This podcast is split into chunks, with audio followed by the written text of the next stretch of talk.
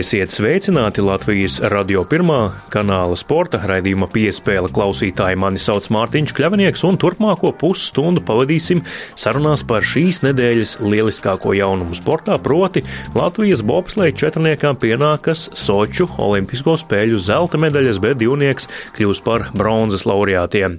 Par to, kā sportisti varētu saņemt savas godam nopelnītās medaļas, interesēsimies Latvijas Olimpiskajā komitejā.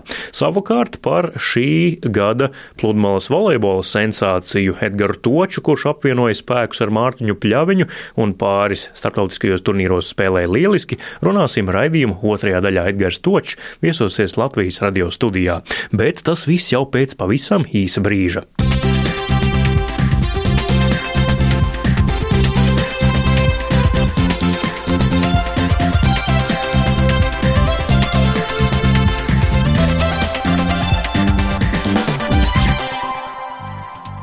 Startautiskā bobsleja un skeletona federācija šonadēļ oficiāli savā mājaslapā izmainīja Soču Olimpisko spēļu sacensību protokolus bobsleja divnieku un četrnieku sacensībās. No oficiālajiem protokoliem svītroti mainieku Aleksandra Zubkova un Aleksandra Kasjanova ekipāžu vārdi, jo viņi rezultātus sasniedza negodīgiem līdzekļiem, proti lietojot aizliegtās vielas. Līdz ar to Latvijas bobsleja četrnieks, kurš sākotnēji Sočos ieguva sudraba medaļu, medaļas, proti Oskars Melbārdis, Daumans Dreiškens, Jānis Strēnga un arī Arvis Vilkastes saņēma godam nopelnīto olimpisko zeltu, savukārt Oskars Melbārdis un Daumans Dreiškens saņems bronzas medaļas divniekos.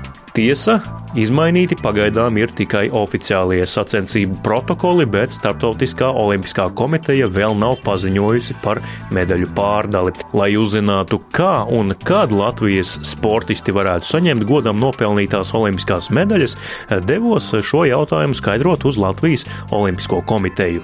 Latvijas radio sporta raidījums piespēlē ir eh, tepat eh, Rīgas centrā atnācis ciemos pie Latvijas Olimpiskās komitejas, jo šī nedēļa nesa patīkamu vēsti, bet tā vēsts ir eh, patīkama nu, tikai daļēji, jo šobrīd vēl nav materializējusies. Proti, Startautiskā bobsleja un skeletona federācija ir oficiāli izmainījusi Soču Olimpisko spēļu bobsleja sacensību gan divniekiem, gan četrniekiem protokolus, un pēc tiem tagad var spriest, ka Oskaram Melbārdim un viņa četrnieku stūmējiem pienāk pienākas zelts, Sočos savukārt eh, viņam un Daumantam Dreiškanam pienāks bronza.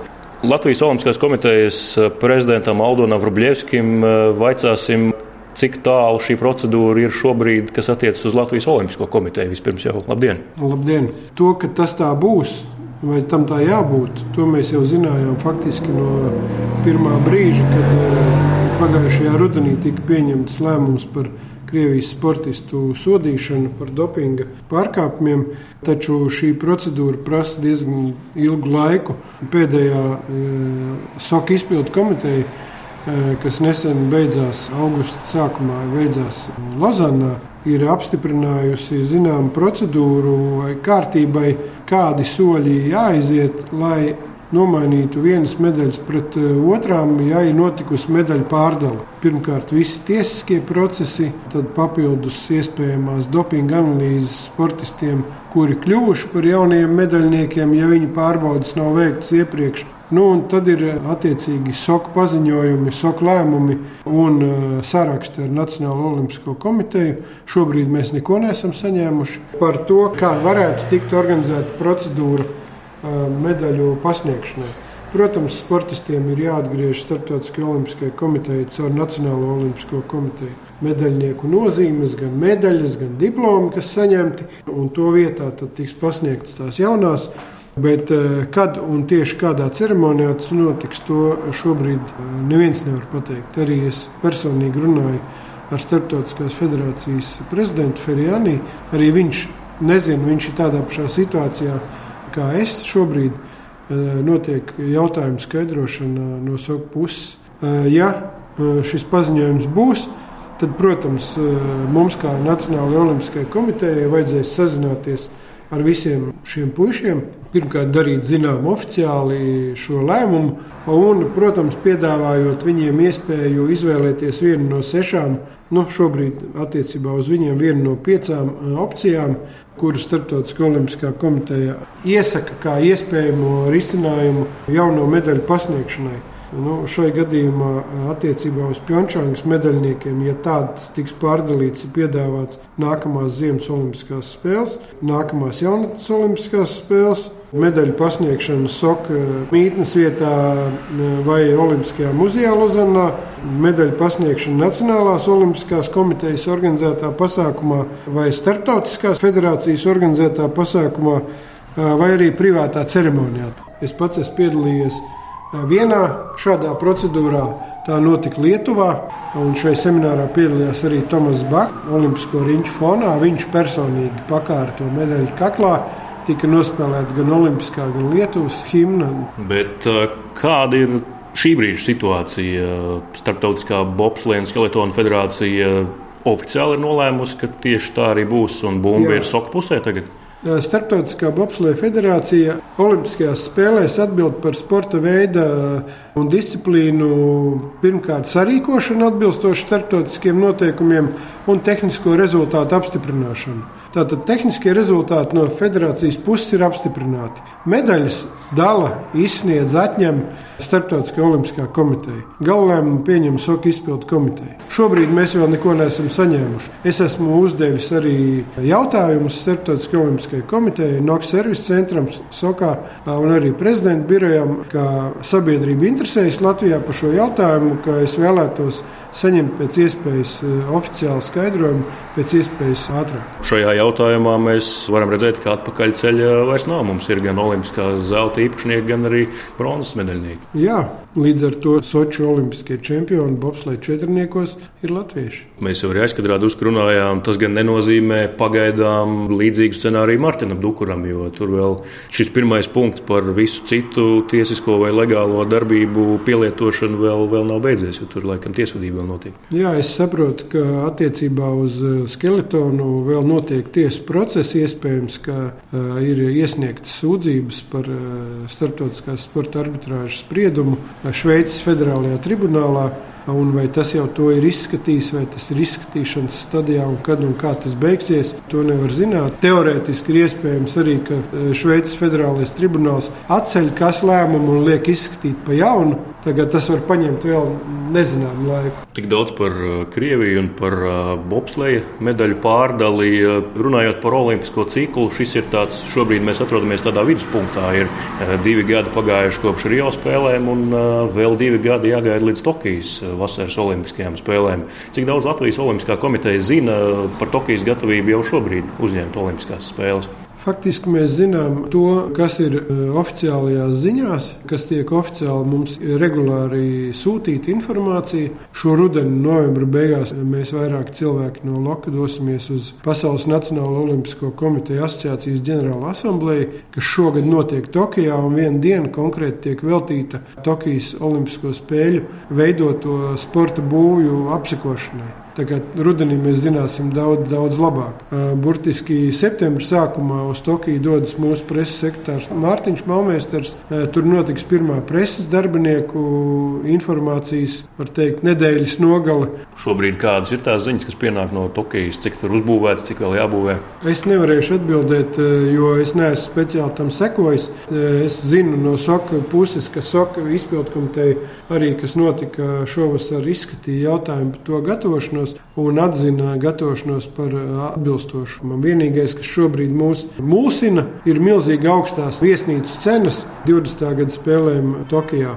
600 dolāru un vairāk par nakti. Cik bija iepriekš, piemēram, Korejā, Rio? Nu, 300, 400 dolāri par nakti, bet šeit 600 ir zemākā robeža. Bet dzīves dārdzība diktē savu, un mums, kā dalībniekiem ar to ir jārēķinās. Varbūt būs kādas neredzētas Japāņu tehnoloģijas, viesnīcas numuriņos, un viedās viesnīcas istabiņas varbūt būs. Grūti komentēt, nezinu. Esmu dzirdējis vienīgi tā tādu joku, ka Toyota ir galvenais transporta piegādātājs šīm spēlēm. Un iespējams, lāpas aizdedzināšana notikšot lietojot lidojošu Toyota automobīlu. Nu, lūk, klausītāji, tā jums intriga.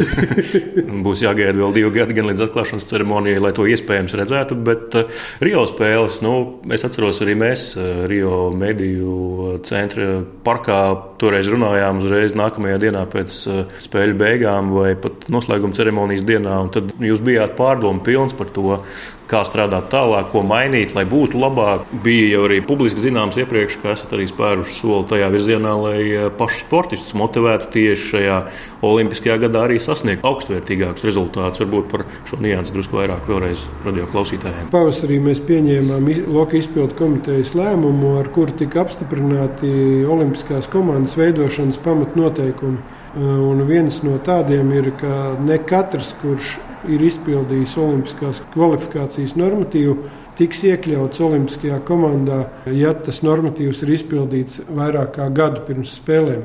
Prasība būs uzrādīt attiecīgi līmeņa rezultātu arī Olimpiskajā gadā. Un, ja mēs būtu šādu kārtību piemērojuši, piemēram, Pjončāngas eh, komandas veidošanai, tad iespējams, ka divi, trīs, četri sportisti nebūtu aizbraukuši uz spēlēm no tiem, kas šobrīd bija tur. Aldons Vrubļevskis, eh, Latvijas Olimpiskās komitejas prezidents, bija raidījuma piespēle viesis šodien. Paldies jums par, eh, par izklāstu par dažādām tēmām. Paldies, ka sarunājāties ar raidījumu piespēli šodien. Paldies eh, un turam īkšķi par Latvijas sportistiem un, protams, par mūsu iespējām sarīkot Olimpiskās spēles.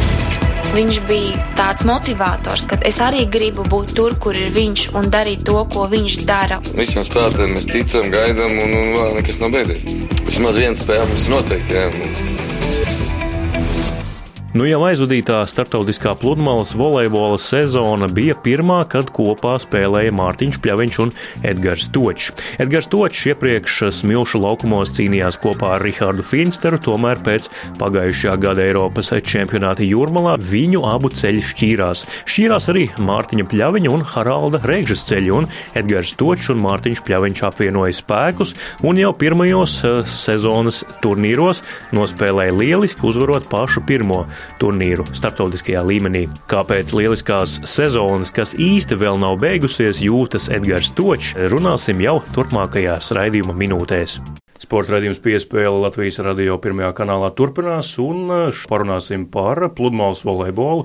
Ir uh, aizvadīti vairāki nozīmīgi turnīri jūrmalā, ne tikai šogad, bet arī iepriekšējos gados, un uh, arī kopējā situācija pasaules kausā vairāk vai mazāk ir noskaidrojusies gan saistībā ar reitingiem, gan ar tiem, kas uzvarējuši noslēguma turnīrā. Sezonas ir gan tikai augusts, bet tomēr, jā, varam runāt par vismaz šādas daļējas sezonas noslēgumu, un par to arī parunāsim runāsim ar vienu no Latvijas labākajiem pludmales volejbolistiem, Mārtiņu Pļaviņu pārnieku Edgars Toču. Sveiks, Edgars! Sveicināti! Vispirms eh, varbūt pastāst, kā tad ir ar to sezonu, vai sezona ir beigusies, vai sezona tomēr vēl arī turpināsies, jo arī mēs šeit pirms eh, sarunas satikāmies uzreiz pēc tam, kad tev bija filmēšana reklāmai kādam turnīram, kas notika šeit pat Doma laukumā. Uh, nu, jā, sezona pa lielam tāds viens no grandiozākiem turnīriem, tas ir pasaules tūris fināls šogad ir aizvadīts, aizvadīts diezgan veiksmīgi ar piekto vietu. Tāda Es domāju, ka piektā vieta ir diezgan optimāls rezultāts. Par sezonas beigu, jeb noslēgumu, varētu uzskatīt šī gada 22.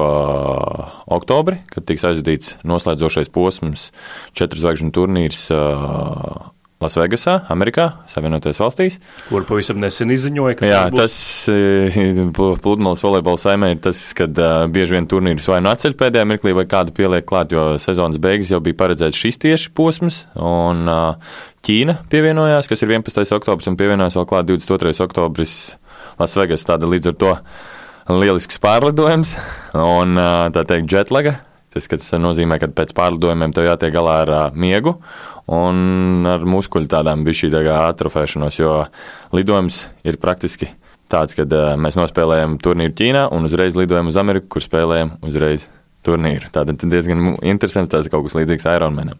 Bet par turnīru šeit pat uh, Latvijā, uh, kur varēs satikt labākos mūsu māju un uh, kaimiņu valsts spēlētājs būs Doma laukumā, Rīgas kausa. Tieši par šo spēli uz uh, bruģu un smiltīm es uzskatu, ka tā ir ļoti laba inovācija, lai varētu padarīt šo sporta veidu vēl skatāmāku. Jā, nu tātad šīs turnīrs Doma laukumā jau nākamajā nedēļā. Parunāsim pagaidām par notikušiem faktiem, par sezonas izskaņu. Tu jau izstāstīji un šiem diviem papildus turnīriem, bet atgriezīsimies tomēr gadu senā pagātnē Jūrmalā Eiropas čempionāts pirms gada. Es atceros, ka gan Rihards Finsters, Edgars Točs, gan Mārtiņš Pļaviņš, Haralds Reigža abi bija ļoti domīgi pāri pēc uh, turnīra izskaņas, kāda no kuram tā bija, un neviens īsti nevarēja pateikt, kāda būs nākotne. Kad tu īsti sagaidīji to Mārtiņa zvanu, vai tas bija kādi citādi, kā jūs satikāties? Nu, tas bija Mārtiņa zvans, bet tas jau bija pirms šiem turnīriem, pirms gan Eiropas, gan tā viņš iztvēra gan piedāvājumu, bet uh, tas palika mūsu starpā, un palielam tas piedāvājums nebija šādi tādi, bet mēs ar Rihardu tās pēdējos turnīrus ne nepārāk labi nospēlējām, un arī tā mūsu rakstura varbūt nesadarība un uh, nospēlēja tādu lomu, kad, uh, nu, kad bija pienācis laiks šķirties. Mēs jau bijām samierinājušies, ka man iespējams ar Mārtiņu nemaz nesanāks spēlēt, jo viņi ar Regžu diezgan labi nostartēja Eiropas čempionātā, ieguva Latvijas Olimpiskās vienības atbalstu. Pēc nedēļas Mārtiņš zvanīja un teica, ka uh, viss paliek spēkā, vai tu esi gatavs spēlēt. Un es biju tā kā saņēmis dāvanu Ziemassvētkiem, protams, kad es biju laimīgs, jo es atceros, kad sāku spēlēt, tad Mārtiņš man bija kā ikona. Es pat nebiju, man tā liekas, sācis spēlēt, kad viņš jau bija Pekinas Olimpiskajās spēlēs ar Sašu spēlē. Es nekad nebūtu iedomājies, ka es nonākšu līdz tādam līmenim, kurš es pašreiz. Kāda bija tā jūsu ar Riharda dzīve? Nu, daudz jau nezina. Daudz zina Aleksandru Samoilo, Jānis Mēdiņu, kuriem ir lielie turnīri, Mārtiņu Pļeviņu, tajā laikā Haraldu Regžu, kur arī braukā pa pasaules tūri, bet tie otrā ešalona Latvijas pāri, kā viņi dzīvo, vai viņi nu. papildus strādā, tad uz kaut kādiem turnīriem atlicina naudiņu. Kāda ir tā īstā realitāte? Nu, dzīve ir, neteiksim, skarba, viņi ir interesanti. Tu strādā ar cilvēkiem, tātad gan Rihards, gan es strādājām gan ar bērniem, gan ar amatieriem trenējām un paralēli paši mēģinājām trenēties. Bet uh, tur jau tā lieta, ka tas ir grūtākais. Tu cīnies līdz gaidi, kad tev iespēja. Tas tāpat kā pirkt visu laiku loterijas biļeti un nezinu, vai tu vinnēsi. Mūsu attiecības vienā brīdī bija labas, kad tad bija sliktas, un tas tā, tā kā ģimenes attiecības. Cīņas spara un visu treniņu procesu nopietnības gatavībā mēs strādājam kā profesionāļi. Tas, kā mums sanāca, un tas, ka mums darbs ņēma varbūt enerģiju nost, tas, es domāju, ietekmē arī rezultātu. Jo pirms Mārtiņa sezonas es aizgāju no abiem darbiem un tā teikt aizgāju tā kā pokarījālina. Un, uh, tas atmaksājās, un tad viss pakārtojās tā kā vilcieniņā, ka viss aizgāja uz augšu. Nu, un diezgan ātri atmaksājās. Sezonas pirmajā turnīrā jau atmaksājās. E, tur jau tā lieta, ka tu pats nesaproti. Es medaļas uzreiz saliku tās trīs, kuras bija trīs turnīri no trim turnīriem, trīs medaļas ieliku skapītī, un ar to arī tas man beidzās, lai viņas man nekur nereagojās, lai nenovērš domas, jo es saprotu, ka ceļš tikai sācies, un ja tu sāc kāpēties pagātnē, tad neredz sev vairs tik ļoti nākotnē. Bet, nu, pie 30 gadus liekšņa esot šādā vecumā izdarīt šo diezgan izšķirošu dzīves gājienu, visu likt uz vienu kārti. Tur jābūt lielām tādām iekšām, teiksim. Tur jābūt saprotošiem cilvēkiem, tai pašai ģimenei, jo nu, man ir puika un arī līgava, kuru es praktiski biju tā, kad es tiešām, kad es strādāju Nu, es viņus praktiski neredzēju.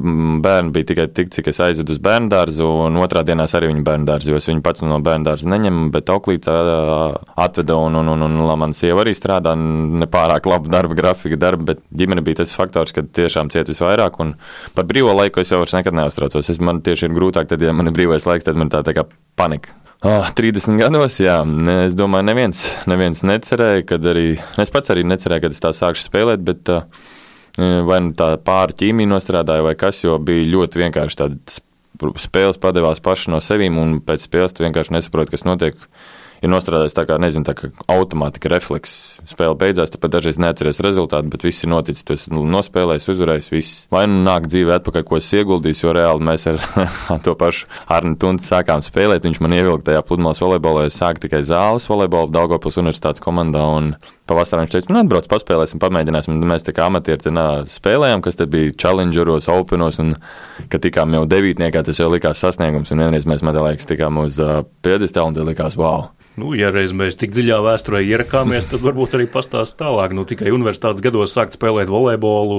Nu, kaut kāda pamata jau taču bija. Nē, nu bija, bija, bija. Laukos man bija kaimiņš, tāds Ilmārs Grudulis, cepurinos. Viņš man iemācīja gan peldēt, gan rūdīties mēģinājumu, bet tas bija slikts mēģinājums. Parasti tur man tā liekas plaušu karsona vai kaut ko tādu. Man nu, kaut kas ne, bet nu, es biju slimīgs puika. Bet, Stāsts tāds, jā, par pamats man iemācīja pašu vieglākos tādu elementiņus, iemācīja jau metrienas pamatskolā, un, un, un tālāk mans ceļš ved uz Madonas otro vidusskolu, kuras trenējos pie Valentīna Rakstiņa. Un tad jau mēs braucām pa Latvijas čempionātu, tad man pamanīja Daugopils universitāti. Un es aizgāju turieni, bet paralēli nodarbojos ar basketbolu. Man vienā brīdī likās, ka es būšu basketbols. Nu, tur man arī sāk kaut kas padoties, bet Beigās tā universitāte man piedāvāja gan mācību stipendiju, un, un, un, un kaut kādu algas samaksu un uh, kopmīnas par velti. Līdz ar to man, kā puisim no laukiem, bija ļoti labs tāds atspējas un, un, un laba iespēja, un tad aizgāju uz turieni. Kur izauga tas uh, lielais entuziasms pret pludmales volejbolu no Ārņa Tuntas uzaicinājumu uzspēlēt uz nu. tiešām nu, sajiešanu kopā ar nopietniem nu, pārniekiem? Tu... Tur jau tā lieta sākās tā kā vasara, tā kā atpūtai, prieka pēc, tur forši vienmēr tāds smiltīs, tur tās ļoti pārpildītas pludmales. Tajā laikā vēl es atceros, bija jaunais vilnis un tās pludmales vienkārši Nu, tā kā šajā vasarā aptuveni tāpat arī bija pārpildīts tajās vasarās, un nenormāli daudz cilvēku un likās, un tas tiešām ir stilīgi, nu, kā surfoši. Nu, tas taču ir stilīgi, liekas, no malas tas ir stilīgi, interesanti, un tev patīk ar to nodarboties. Un tas sporta veids ir ļoti populārs, un pirmām kārtām nav traumatisks, tas, kas ir ļoti svarīgi, un nu, viņi ir viegli spēlēt. Jebkuros laika apstākļos nekas nav daudz nepieciešams, laba kompānija un vienkārši spēlē. Nu, tiešām aizrauga. Un tā arī aizgāja. Un tas Zārņu tunas faktors arī nostrādāja, ka es pavasarām braukāju šeit. Daugopils klubs man arī palīdzēja gan finansiāli, maksājot tā, tā kā stipendiju. Bija jau problēmas atrast ar treneru, jo neviens jau negribēja ņemt savā sistēmā. Es tajā laikā vēl baidījos no Genādijas Samuela, no pašreizējā mana trenera. Nu, jau tēls jau bija spēcīgs uztaisīt. Tā es mēģināju iefīrēties pie Taigara Birzuļa. Tas sākumā arī neizdevās, un tikai tad, ja Mārtiņš bija paņēmis tā laikā Riharda pārnieku Soloveju, tad Rihardam nebija pārnieku, un tad es varēju iekļauties tādā tā kā treniņu procesā pie Aigara Birsa. Tad man bija tā iespēja satikties ar Genādiju Samuelu tādā tā kā tuvāk tādā darba sarunās, ja ietvaros, un, un, un, un, un es biju ļoti patīkami pārsteigts, kad, ka nav viss tā, kā viņi mālē. Nu, tad, kad treneris ir ļoti tiešām tā kā amerikāņu tie varianti, ka cheering up, tad uzmundrina un viss pārējais, un tas tāda pozitīva pieredze. Un tiešām treneris šī gada laikā ļoti, ļoti, ļoti daudz ar mums strādājis. Gan emocionālajā ziņā, kad gadās sliktākas spēles, viņš saka, nekas, viss būs labi, turpinam strādāt, turpinam strādāt. Un kā arī neļauj galvā sakāpt, tas ir noteikti. Katrā treniņā viņš arī pateiks, kas tev nesanāk un noliks tev pie vietas. Es varu apbrīnot tikai viņa izturību, tu visu dienu vari nosētēt saulē, kliegt uz sīčiem, atnākot destos uz uh, jūrmalu, tīra laukumu, savāc visu, komentē, strādā ar bumbām, kliedz uz tevīm. Tad nāk meitenes, tas pats, tad nāk citi, tad mēs atkal, atkal meitenes, un tad vakarā viņš vēl iet spēlēt ar saviem tādiem, nu, čomiem, un tās pašas meitenes dažreiz tur aiziet savu brigādi saucamā un, un dzintaros un spēlē. Un tur vēl viņam ir enerģija un, enerģija, un tad viņš ir mājās kaut kur 8, 9, 10. Kad tu sajūti, ka tās mēģinas, kurās ir tās nu, nosacītas ķimikālijas salietas kopā, jums abiem tiešām strādā? Tas jau bija pirmajos treniņos, vai tas bija drusku vēlāk? Nu, raksturos varbūt tas ne tas ļoti, bet nu, laukumā, kad vienkārši padodas tas, kad viņš grib, es gribu, un ka mēs esam gatavi ieguldīt darbu, un tas ir atmaksājis, ka nevienam nav jāizrāda vai kaut kas tamlīdzīgs. Jo rakturos varbūt tās mēs pat esam, neesam tik vienādi, ka tur nu, savādāk. Tas, tas ir labi. Es domāju, ja būtu vienā sulā, tas kā pārāk draudzīgi laukumā, es uzskatu, ka tas arī nav pareizi. Jo bija šī jābūt tā kā respektam tādai bijībai vienam pret otru. Un, un, Mārtiņš loģiski ir, ka vecākais, nu, jau es tur esmu tāds tā kā vienmēr audzināmais puika, bet nu, es jau pie tādas lomas vienmēr pieredzēju. Es domāju, tajā ķīmē arī slēpjas, ka viņam ir pieredze, un varbūt tās man tas nekontrolējamā, varbūt fiziskā sagatavotība, bet man tās tehniskās kļūdas bija vienmēr vairāk, nu, tas tehniskais izpildījums. Bet Mārtiņš plus treneris darbs, plus ļoti labs sparings, tas pats Jānis un Saša. Treniņa apstākļi, es domāju, tas viss sakārtoja pa vietām un viss nospēlēja mūsu labā. Vai treniņos Genādijs Samoilovs ir skarbāks pret saviem dēliem nekā pret tiem, kuri nav viņa dēli, vai tom, kā mm. tur īsti ir? Kā kurā reizē ir daudz situāciju, bet, nu, izteikti patiesi tāds ļoti tā, nu, ja tev tas pats arī meitenēm, meitenes arī ļoti daudz dabūja, pāst, labāk skara patiesība nekā salda meli. Pirmām kārtām spēlētām ļoti, kas ir svarīgs, psiholoģiskā sagatavotība ja tev vienīgais tātad bubulis būs treneris, tad tev pārējie visi liksies tā kā pasaku tēlu. Tad līdz ar to tev ir vieglāk spēlēt. Es uzskatu, ka tas ir viens no variantiem. Un uh, otrs variants - treneris tevi lamā, tu viņam interesē. Ja treneris saka, ka viss ir super, tas nozīmē, ka tas jau iet uz otru pusi. Jo nekad nevar būt viss super. Tu nekad nebūsi simtprocentīgi ideāls un tā tam līdzīgi. Genādijs ļoti lielu uzmanību pievērš niansēm, un, un, un, un tas arī tāds tā, viena darbība tur atkārtot, nezinu, simtiem reižu, un pie tā mēs varam arī strādāt vienu treniņu, tikai darīt vienu darbību kamēr viņi izdarīs precīzi. Kā tu varbūt kopumā novērtētu aizvadīto sezonu? Nu, tie panākumi sākumā skaidrs, tos tu jau teici, tu noliki medaļas prom no savām acīm, lai tās neredzētu un netraucētu, bet tādā vispārējā griezumā kāda bija sezona jums ar Mārtiņu? Sākums tātad viss uz urā, urām, bet tas jau zināms, ka būs lejupslīde, bet, protams, gribējās emocionāli noturēt to augšupēju, augšupēju, bet karuseļi, ja, tā kā uz augšu, uz leju, uz augšu, lai amerikāņu kalniņu, bet no sliktā ir jāpaņem secinājumi un arī no labā jāpaņem secinājumi, un tu saproti, kā to visu sabalansēt, jo tādas slodzes, nu, pirmo reizi dzīvē, gan kā pārlidojumos, kur labāk fiziski trenēties, kad labāk iedzīt tevi tādā fiziskajā bedrē, un līdz ar to tu to visu saproti. Tad, ja sezona sākās, tu vairs neko nevari ielikt. Tad ir tikai tas, kas tev ir ieguldīts, un tas ir viss. Mūsu mērķis, mans mērķis ir tikt uz olimpiādu, bet ne tikai tikt, bet mēģināt tur izcīnīt medaļu. Tikt uz olimpiādu, tas tā kā tikt uz kaut kādu kruīzi kuģi. Man kā cilvēkam tikt, protams, arī tas būtu liels pagodinājums un iespēja, bet pats lielākais mērķis ir dabūt, mēģināt dabūt medaļu. Pagaidām es tādu galvas noskaņotu, tādu tā kā noteri, ja jūs to.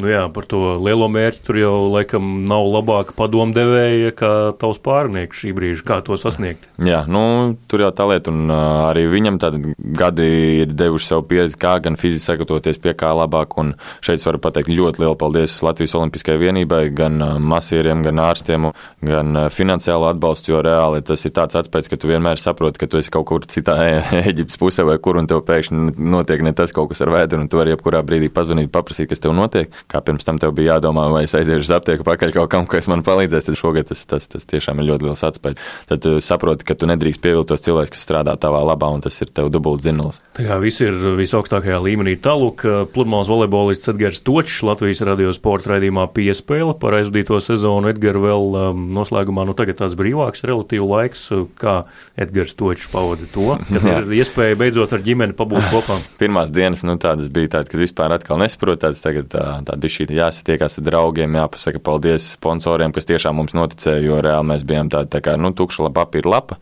Tur aiziet daļa laika, vismaz šajā nedēļā, bet nu, es došos uz saviem laukiem metrienā.